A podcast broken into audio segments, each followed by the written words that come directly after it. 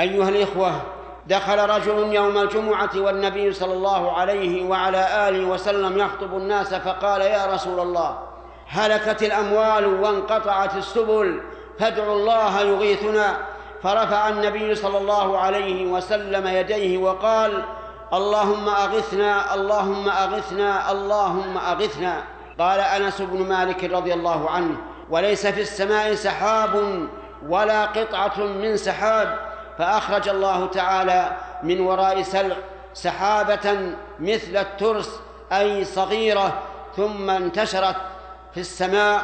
فلما توسطت السماء رعدت وبرقت وأمطرت فما نزل النبي صلى الله عليه وعلى آله وسلم من المنبر إلا والمطر يتحادر من لحيته. وهذه آية عظيمة تدل على كمال قدرة الله تبارك وتعالى. وآية عظيمة لرسول الله صلى الله عليه وعلى آله وسلم تدل على صحة نبوته وصدق خبره صلوات الله وسلامه عليه.